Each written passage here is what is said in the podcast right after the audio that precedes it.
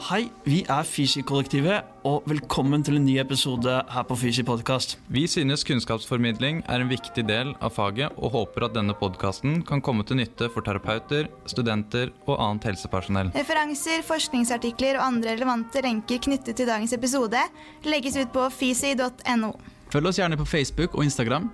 Der har vi ukentlig quiz og deler relevant fagstoff.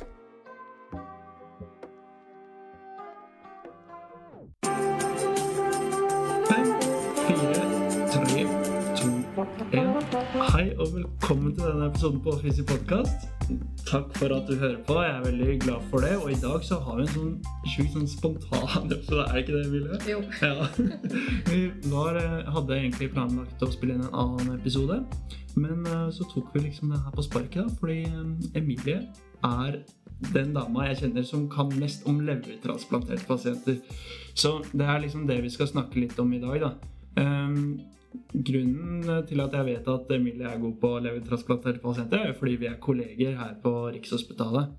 Så um, med den lille introduksjonen der, er det noe, noe mer du har lyst til å Hvis du skal fortelle lytterne hvem du er, hvem er Emilie? Jeg heter Emilie Helvege. Jeg har jobbet på Riksen i to omganger. Så nå er jeg for andre gang. Jeg har akkurat fullført masteren min i, eh, i forskning. Jeg har lagd et systematic review eh, og metaanalyse om levertransplanterte. Get ready for it. Så uh, hvem er den levertransplanterte pasienten? Den levertrans... Altså, det er jo mange. Det har vært tabubelagt. Mm. Det her med at uh, levertransplantasjon, da kan man ofte ha hatt en forestilling om at uh, det er folk som har et høyt alkoholforbruk. Ja. Og det er jo noe som ikke nødvendigvis er riktig. Um, ja, de finnes jo, de også, de transplantasjonspasientene som transplanteres på bakgrunn av alkoholoverforbruk. Mm. Men det er også en mann i 30-årsalderen som har fått påvist kreft. ja. Det er en ung jente på 19 som har en autoimmun sykdom. Det er en eldre herre som har fått påvist eh, kreft i tykktarmen med metastaser til lever.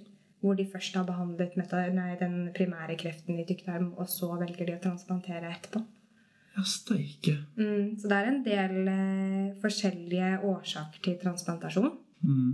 Um, men det er kanskje ikke levertransplantert man hører mest om i media. Nei, det er veldig sant. Og det er jo sånn du sier også, at uh, det er jo ja, ofte skrumpleveren etter å ha drukket for mye alkohol, at du tenker sånn Ja, da, da blir det Da får den kjørt seg, og kanskje noen av disse blir transplantert, da. Men uh, du nevnte jo dette med kreft også. Er det da eh, Er det så straightforward at hvis du har, eh, har kreft, at du kan få en, et nytt organ, og så er det, så er det fiks ferdig, på en måte? Kreftpasienter som transplanteres, de må behandles, og det må være under kontrollerte forhold. Den gruppen som jeg snakker om med disse tykktarmskreftpasientene, det er en pågående studie her på Rikshospitalet Ah. akkurat nå. Hvor de, hvor de prøver å, å behandle kreftformen med da transplantasjon etter at de har fjernet primærtumor i tykktarm. Så det er noen typer. Ja. Og så er det jo noen som får dellevere, altså at de ikke tar hele leveren ut, men at de tar deler av den og får et delsegment inn. Nei, tuller du? Går det an? Det går helt an. Og det er også sånne typer pasienter hvor man kan prøve å fjerne en del av leveren først, og så regenererer jo leveren seg selv. Så, Men hvis man vet at det ikke er en behandlingsmulighet, så setter man inn da ja, ja. en del. Ja, fordi jeg um, hørte noen gang Det var en eller annen som sa noe sånn at leveren er liksom kroppens Ferrari som kjører uh, i 50 km i timen. Den har en del å gå på, da. At du kan jo da liksom ja, Man hører jo om at man kan ta bort deler av leveren. Um, men ja, hvor, hva, hva er det som skjer liksom i kroppen hvis du blir leversyk? Hva er det disse pasientene kommer inn og har problemer med? Altså, leveren er jo på en eller annen måte vårt uh, rensesystem for avfallsstoffer, Mm. kan man si. Det er jo de som behandler alle giftstoffene i kroppen, og hvis leveren svikter, så får du en opphopning av de. Mm. Um, så har du utfordringen med det er at man kan være så symptomløs. Altså at du ikke har noen påvirkning av den grunndiagnosen du har.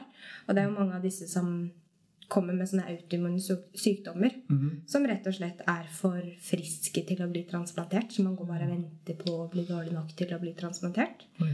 Og så har du disse som utvikler symptomer som intens kløe, energiløshet. Eh, og noen blir også kognitivt påvirket. Mhm. Leverencefalopati er et, et kjent begrep på den, hvor, eh, hvor rett og slett kroppens avfallsstoffer da, ikke klarer å bli renset godt nok, så det påvirker en kognitivt. Ha, fy søren.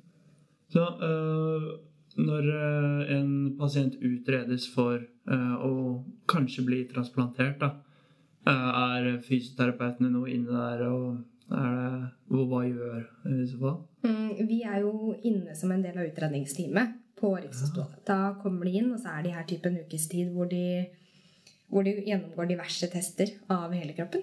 For å se om eh, de kan tolerere en transplantasjon. Og da er vi inne og gjør en, en vurdering av pasientens fysiske funksjon og hverdagsliv. Og ser om det er samsvarende med hva vi ønsker at de skal kunne oppnå. Da. Fordi vi vet jo at uh, trening før operasjon generelt er jo en god idé. Mm. Så det å få preppa disse transplantasjonskandidatene for uh, trening med trening.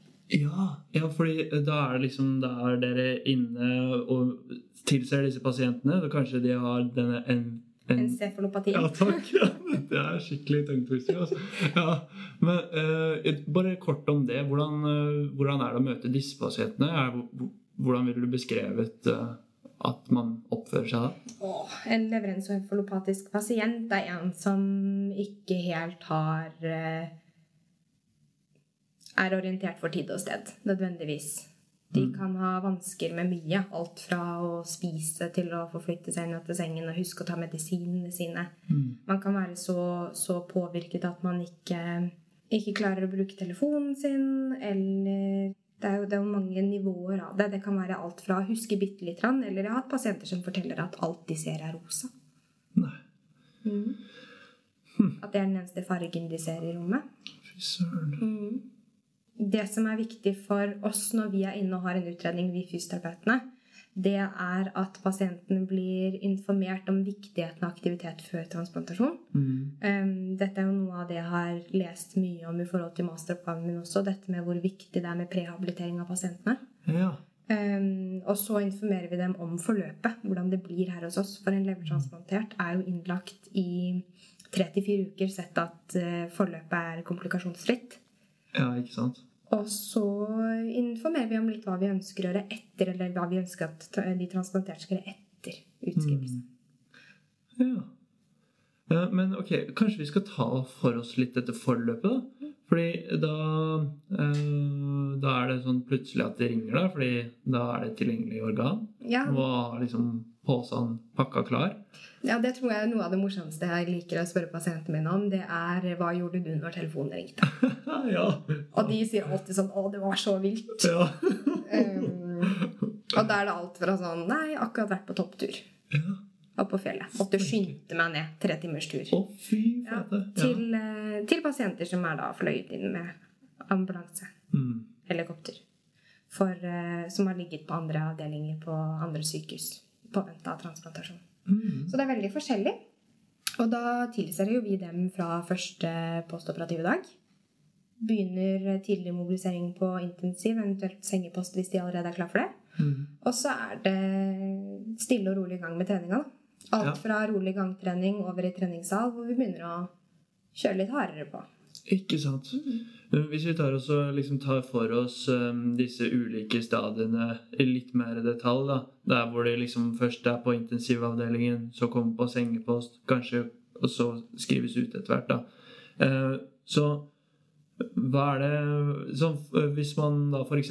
har hatt en sånn encefalopatisk pasient, er det sånn at de da er har det når de våkner på intensiven òg? Det er faktisk superkult, fordi den, når man får en ny lever, så er den ufattelig effektiv. Så det kan gå Wow. veldig fort Ja. fra at disse pasientene, sånn som jeg tidligere beskrev, hun som sa at rommet var rosa, ja. eh, til, eh, til at de ser farger igjen, kan man si. Ja. Og er orientert for tid og sted og får med seg mye mer. Så det, det er jo selvfølgelig veldig veldig avhengig av pasienten og hvordan det har gått. Men, eh, men oftest så, så bouncer de vekk Ja, ja. ganske fort. Og det er jo en sånn, der, en sånn eh, kjent De har sånn karakteristisk utseende noen ganger med at de er veldig gule. Mm. Er det sånn at hvis de da preoperativt er gule, er det sånn at de også da har fått en mer naturlig hudfarge sånn ganske raskt? Ja, det syns jeg absolutt. Ja. og så er det gøy å høre, fordi mange av de har eh, lettblødende tannkjøtt og sånt noe. Og da er det mange pasienter som har hørt at eh, bare dagen etter operasjonen allerede, så blør ikke tannkjøtt omtrent. Så det er eh, Eller la oss si et par dager etter Ja, transplantasjon så er, er tannkjøttet nesten tilbake der det pleier å være. Ja, fy søren. Men ok, og så er det jo litt sånn um, Jeg har flere spørsmål rundt det her, skjønner du. Fordi det er mange ting jeg lurer på. Jeg, jeg har jo sett noen få levertransplanterte selv, da. Og eh, da er det vært noen som er så innmari forvirra og sånn. Og at de har um, eh, delir, da. En forvirringstilstand som kan Ja, som man ofte kan være litt sånn disponert for, men sånn en stor operasjon for eksempel, da kanskje kan utløse det, eller ja, jeg, jeg skal ikke heller uttale meg så mye om det lir selv, men det er i hvert fall en sånn ganske interessant greie å se. da En Enormt sånn u, Vet ikke tid og sted i det hele tatt, da. Sier mye tull. Eh, Så jeg har liksom et inntrykk av at når jeg har sett eh, nyopererte leverpasienter, at de er så innmari sånn forvirra ofte. Det kan også sikkert ha sammenheng med den leverencefalopatien som de har, eller den kondisjonssvikten.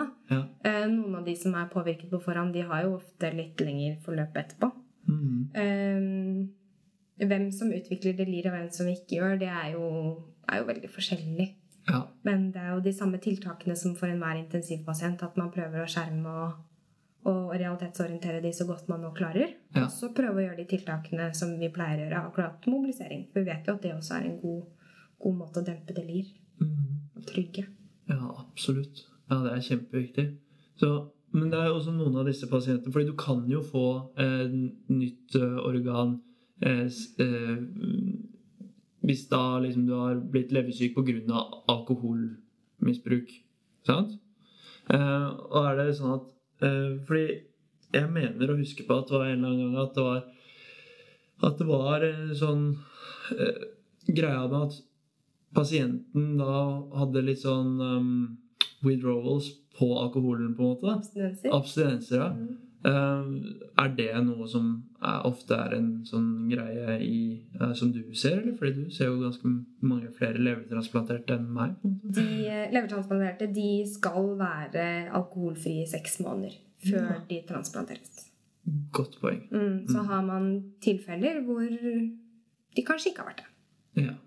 Um, men det er jo hele tiden en sånn veiing legene gjør.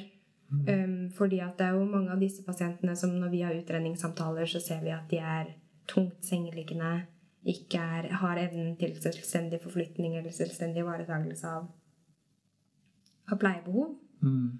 som man har. Um, hvor man kanskje kan tenke at tror du disse vil klare en transplantasjon? Mm. Um, og så gjør jo legene den vurderingen. Er det her så kritisk? Er vi nå på et nivå hvor dette må gjøres, og at det trumfer det at pasienten kanskje ikke har vært alkoholfri? Mm. Mm. Ja, det blir en sånn fortløpende vurdering Mm. der òg. men jeg er på en måte Jeg må litt inn mer i intensivlandet her. Fordi jeg, jeg øh, hadde jo mye opplæring med deg når jeg startet her på Rikshospitalet. Og jeg syns jo det var veldig gøy å se hvordan du jobbet eh, på intensiven.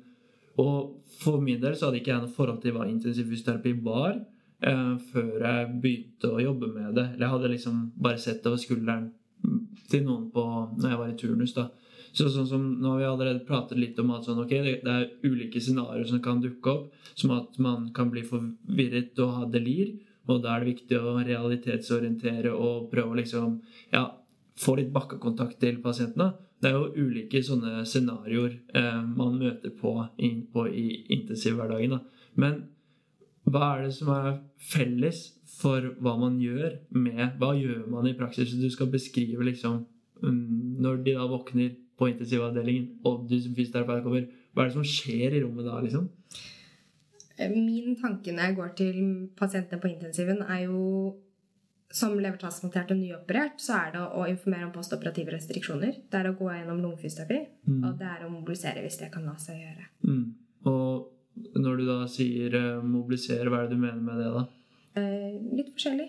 Opp og sitte på sengekanten, kanskje opp og stå, kanskje Mm. over en stol, Mm. kanskje gå litt. Mm. Avhengig av hva de klarer. Ja. Um, som oftest så Nei, jeg vil ikke si som oftest. De er så forskjellige. Eh, men, uh, men de kommer i de aller, aller største tilfellene opp og sitter på sengekanten. Um, da er de som oftest ekstubert når det skjer. Eh, Ja. Men disse pasientene holdes sjelden lenge intubert, hvor de da puster på respirator. Det, det er ikke ofte vi ser de. Altså, da er det ofte sånne pasienter som har vært veldig syke på forhånd. ja. Ja, da kan de godt ha lenge forløp. Skjønner. Mm. Ja, og så må jeg jo liksom legge til at sånn Det kan nesten høres litt sånn her eh, slapt ut. da, ikke sant? Her er det sånn sitter på sengekanten, men det er en ganske mye mer omfattende greie enn det kanskje høres ut som. Fordi man må jo på en måte man, man kan nesten ikke se for seg at utstyret de har tilkoblet seg, og hvor mye Hvor mange sånne faktor X-er Ja, det er å møte på. da. Det er jo helt vilt Ja. å tenke på. Fordi de, jo, de har jo som oftest et par dren og, og diverse utstyr fra infusjonspumper og arteriekran. Og det er så mye ting man bare ikke skal nappe i. Altså. Ja. ja. Det, Det skikkelig det kan være et prosjekt i seg selv, det. Altså. Ja. Bare organisere Ja. alle disse ledningene og kablene og brennene Ja. og EKG-en og det er jo Ja, og så er det noen som trenger hjelp av to eller tre for å komme opp. Noen trenger jo hjelp eh, til å sitte fordi de ikke har sittende balanse rett etterpå. Da er- sitter jo vi og krabber opp i senga med dem. mm. Så det er jo um, Man kan bli svett selv også.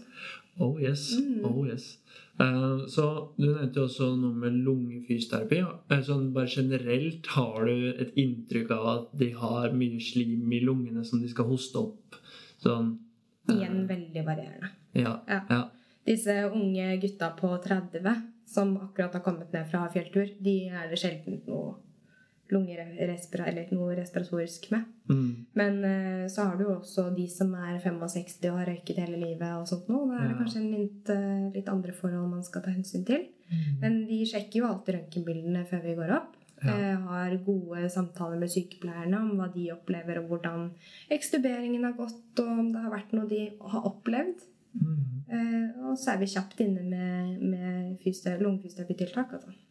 Ja. Ja, det er jo det er alfa og omega hvis eh, det blir fort tull av å ha sånne, sånne bakteriegreier i lungene. Yep. Ja. Eh, Eller virus, for den saks skyld. Mange transplanterte trenger ikke nødvendigvis et opphold på intensiven over lengre tid. Nei. Um, Ja, hvor lenge er det sånn, sånn De som er helt komplikasjonsfrie, og alt er bare smooth sailing og Ja, En dag. en kanskje. dag, ja. Ja. Såpass kort. Kanskje på. PO, kanskje på PO en, eller postoperativ avdeling. Ja. Og så rett i sengepost. Ja. Uh, ellers så en dag eller to, kanskje, på intensiven. Det varierer jo veldig, da. ja. Uh, er de fine i formen og har ikke behov for noradrenalin som hjelper å holde blodtrykket i sjakk, f.eks. Mm. Det er ofte sånt noe som kan være årsaken til at de blir på, på PO eller på intensiven, fordi at de trenger litt ekstra oppfølging på det Mm. før de er klare til å komme over. Og så, ja, så bærer det over til eh, transplantasjonsposten så fort Ja, som mulig. altså. ja Og der er det ikke noe kjære mor der heller. Nei, nei, fordi det er jo der på en måte den, den store jobben starter sånn treningsmessig. Absolutt. Ja.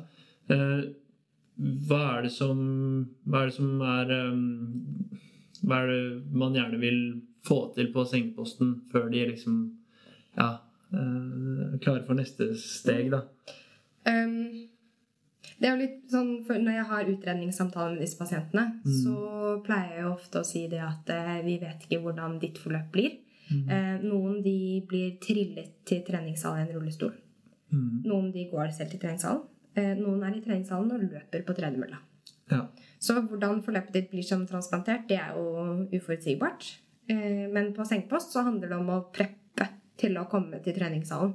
Fordi vi er jo så heldige at vi har et lite stykke å gå til den treningssalen. Faktisk. ja. Ja. Så det um, De 200 meterne vet ikke hva du vil si der, jeg. ja. Jeg ville slengt på litt til, jeg. Gjort det? Eh, altså Ja. kanskje tre Og en etasjetrapp. Og en etasjetrapp. Ja, fordi da Det er jo det er faktisk Selv om det ikke høres innmari ut, så er det ganske sånn tøft sånn etter en operasjon å skulle begynne å øke med ganghastighet Eller ikke ganghastighet, men gangdistanse og begynne å gå i trapp og sånn.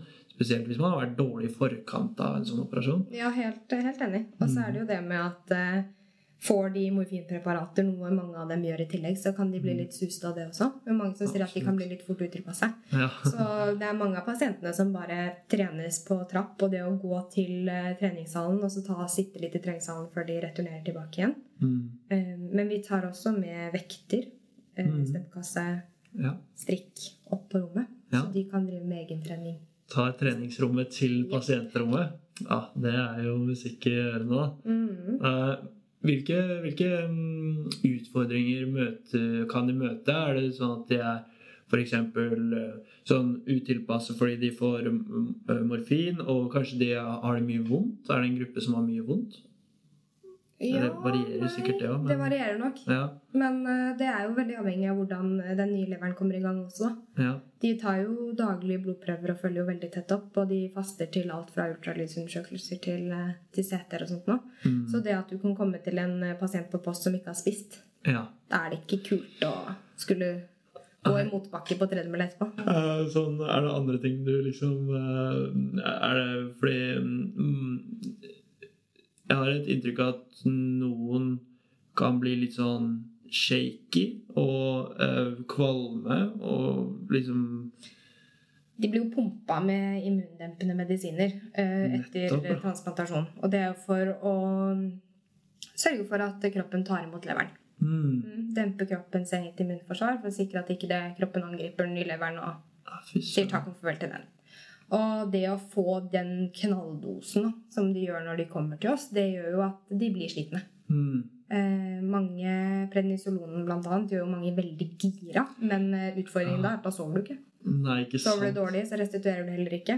Og det er jo en av de største bukkirurgiene som blir gjort. Ja. Så det er jo ikke noe rart at man også har behov for hvile. Men det er jo et helt annet syn på det å være i aktivitet nå enn det det var for la oss si 15 år siden. da. Steike. Altså Ja, ja, det er jo en øh, De har jo en salig miks av medisiner. Så det ene trekker deg ned, og det andre pumper deg opp. Og det er jo liksom eh, Man må jo finne et nytt øh, En ny homostase homeostase, liksom. Eh, det kan jo sikkert være utfordrende for mange, det. Absolutt. Eh, nå er det jo i, innledende periode de første ukene de er jo også at de får den høydosen med immundempende. Ja, Eh, og så dempes det gradvis. Ok. Eh, og mange opplever jo bare det at prednisolonen dempes, så opplever de en bedring. Ja, ja. Men øh, må de gå på medisiner hele livet, eller? det må de. Ja, det hele livet.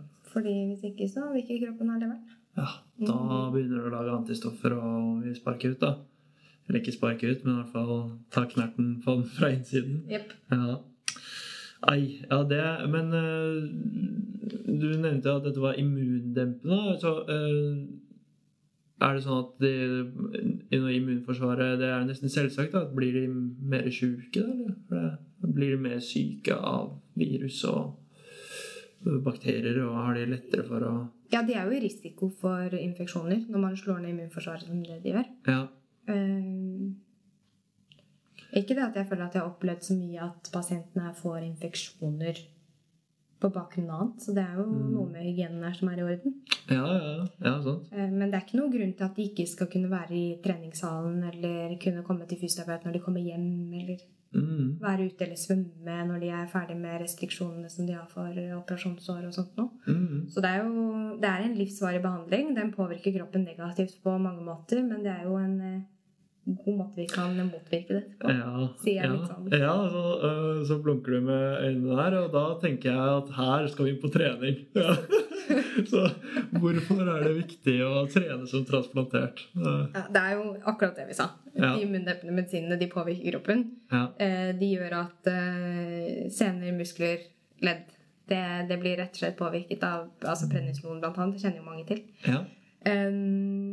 Så den måten å motvirke det på er fysisk aktivitet. Mm. Eh, alle disse medisinene gjør jo også at de transplanterte er utsatt for overvekt, diabetes, Ah. eh, benskjørhet. Mm. Så det er jo også noen av de indikasjonene vi har da, for at fysisk aktivitet er viktig, og hvorfor vi er så opptatt av å prakke på dem aktivitet fra Ja. dag én. Ja. Mm. ja, rett og slett.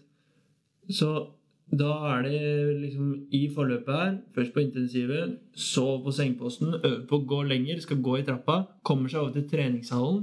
Noen løper, andre jobber mer med å løfte Så det er vanlige treningsprinsipper Mm. for så vidt på denne gruppen. Ja, bortsett fra restriksjonene for Ja. buk, da. Ja, og liksom, Hvor er det de har snitta når de skal i leveren? Er det De lager et sånt eh, svært lekkert omvendt L-snitt på magen. mm, såpass, ja? Så den går fra under um, Sigfoideus. Ja, ja. Ja, nå er det på ballet. Jeg liker det. Ja, altså eh, litt under navlen. Ja, Og så ut til da motsatt L, da. Ut på, mot høyre. ikke sant? Ja. Mm.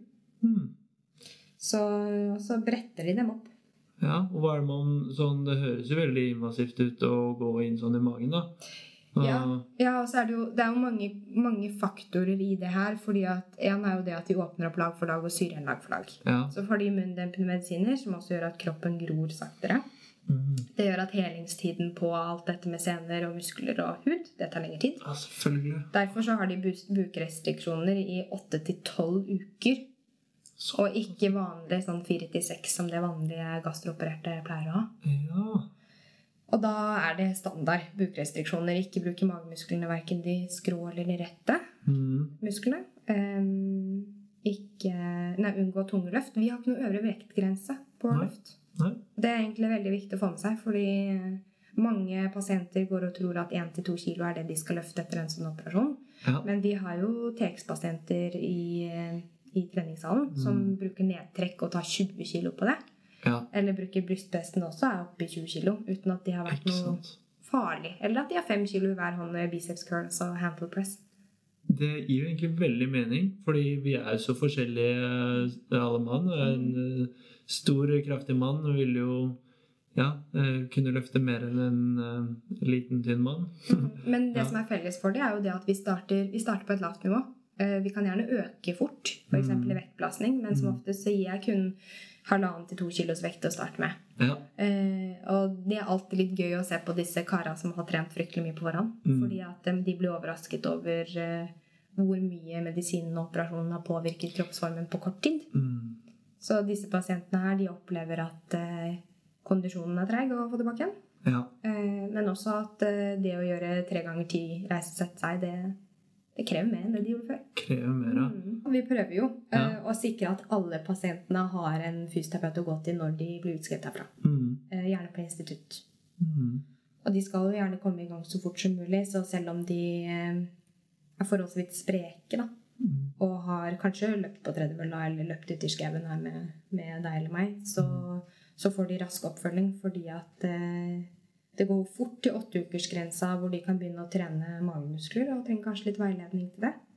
I tillegg til så handler det om å skape gode vaner. Ja, absolutt. Absolutt. Eh, og hvor lenge er det liksom det er, dere anbefaler da at man skal følges opp av en fysioterapeut? Er det noe øvre grense eller nedre grense der, eller? Nei, så lenge du føler du har et behov og får godt utbytte av det. Eh, Mm. Mange av pasientene jeg har som er unge og relativt friske på forhånd, de er der kanskje til de treffer seks måneders kontroll. Ja. Eller tre måneders kontroll. ja. Og så kjører de på med eget treningsprogram derfra. Mm.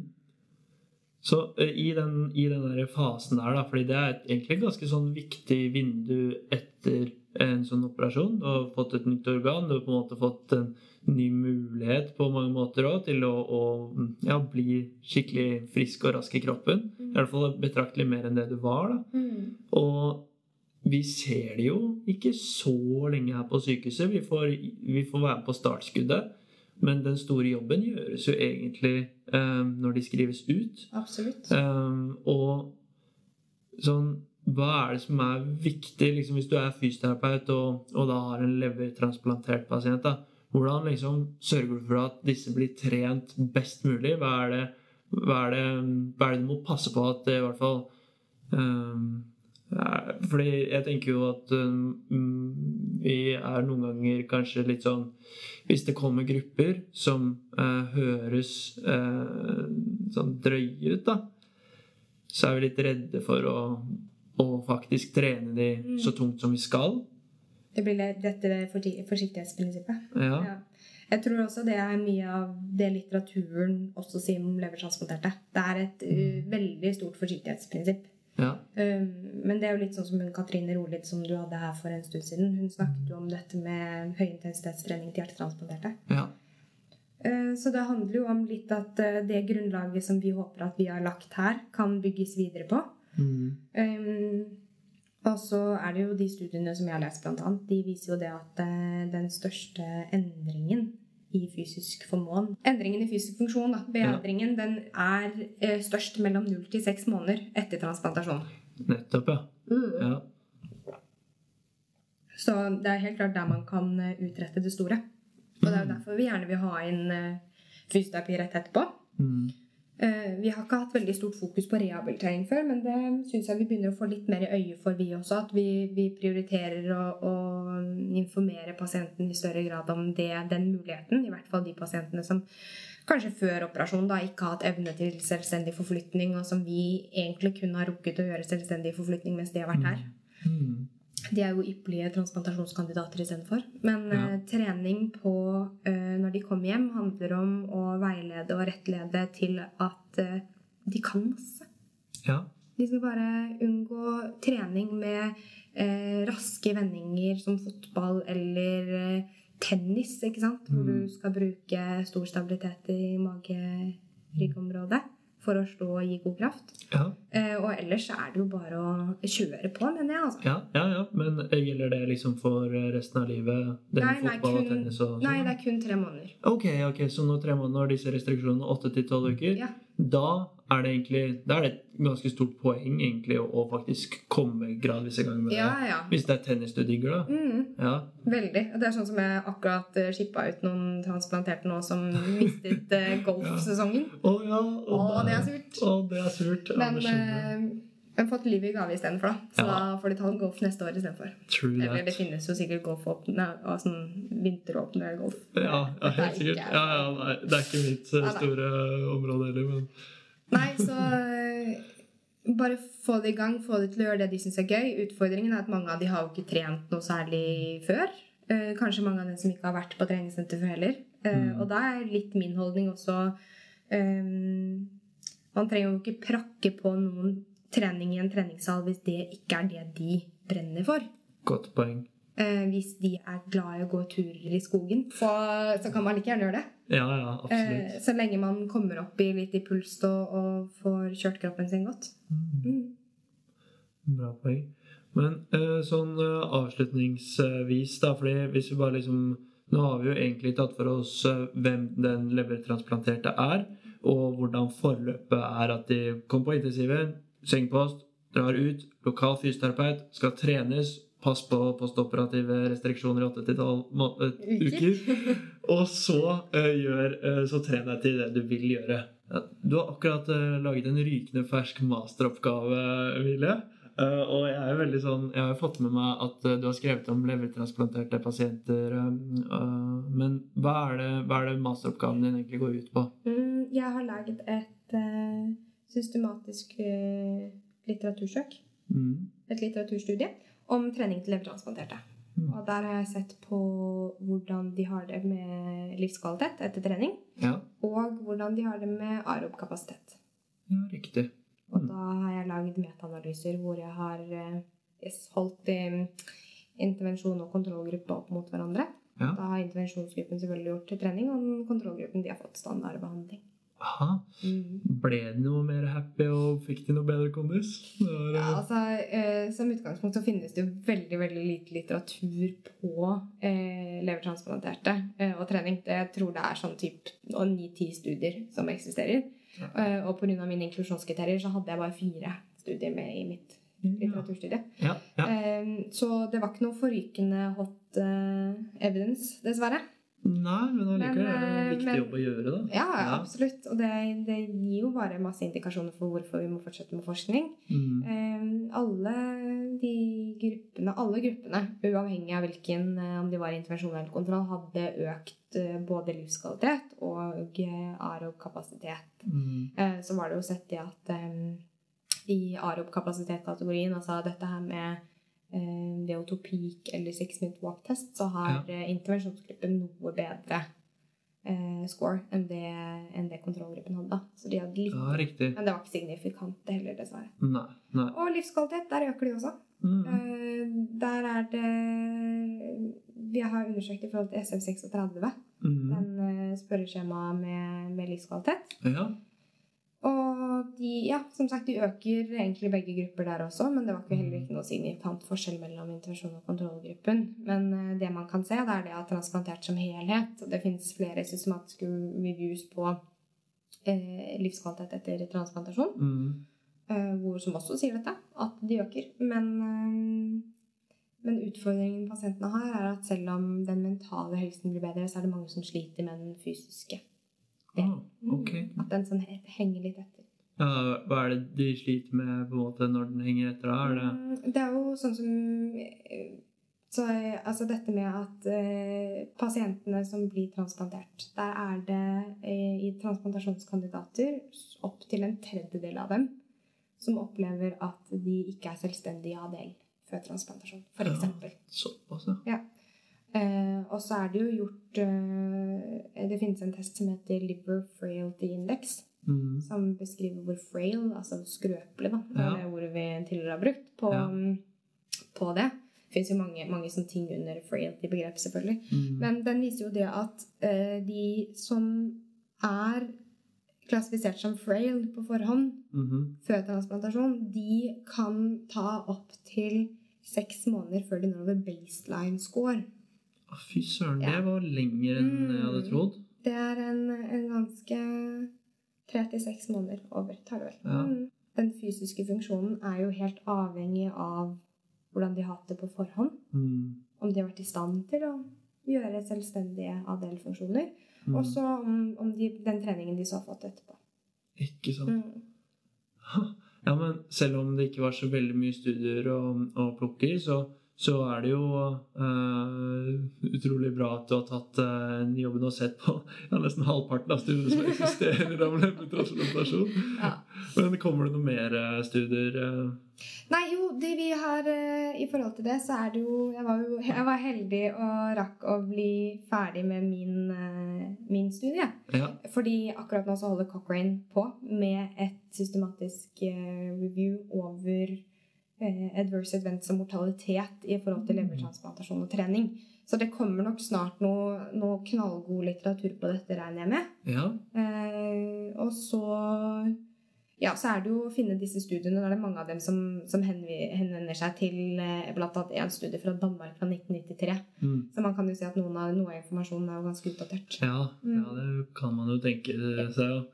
Eh, hvis vi eh, holder oss litt på litteratursporet her, da. Jeg har veldig lyst til å lage et sånn eh, innlegg på fysio.no, der vi lenker litt relevante linker eller, eller forskningsartikler som den engasjerte lytteren kan få høre enda litt mer, eller lese enda mer om. da.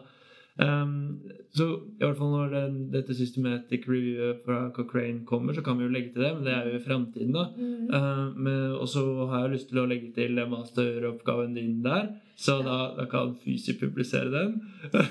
og så Og så hva er det uh, Er det noen andre ting som man burde få med seg? Lese? Mm.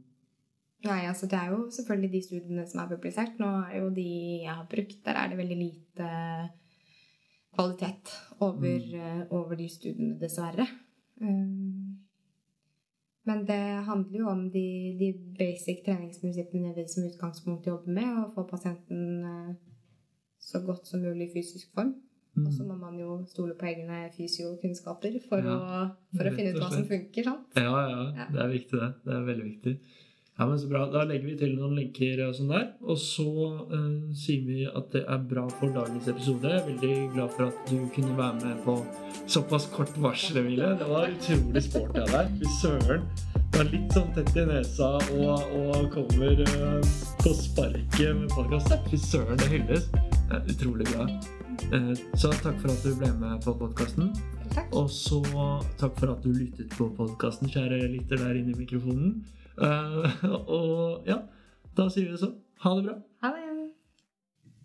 Takk for at du hørte på Fisi podcast. Håper du likte denne episoden. Følg oss gjerne på Facebook og Instagram. Der har vi ukentlig quiz og deler relevant fagstoff. Vi selger T-skjorter og annet merch på fysio.no. Vi har mange planer og mål, og omsetningen av merch skal vi bruke til videre prosjekter og kunnskapsformidling. Husk å abonnere og rate podkasten, slik at vi når ut til flere.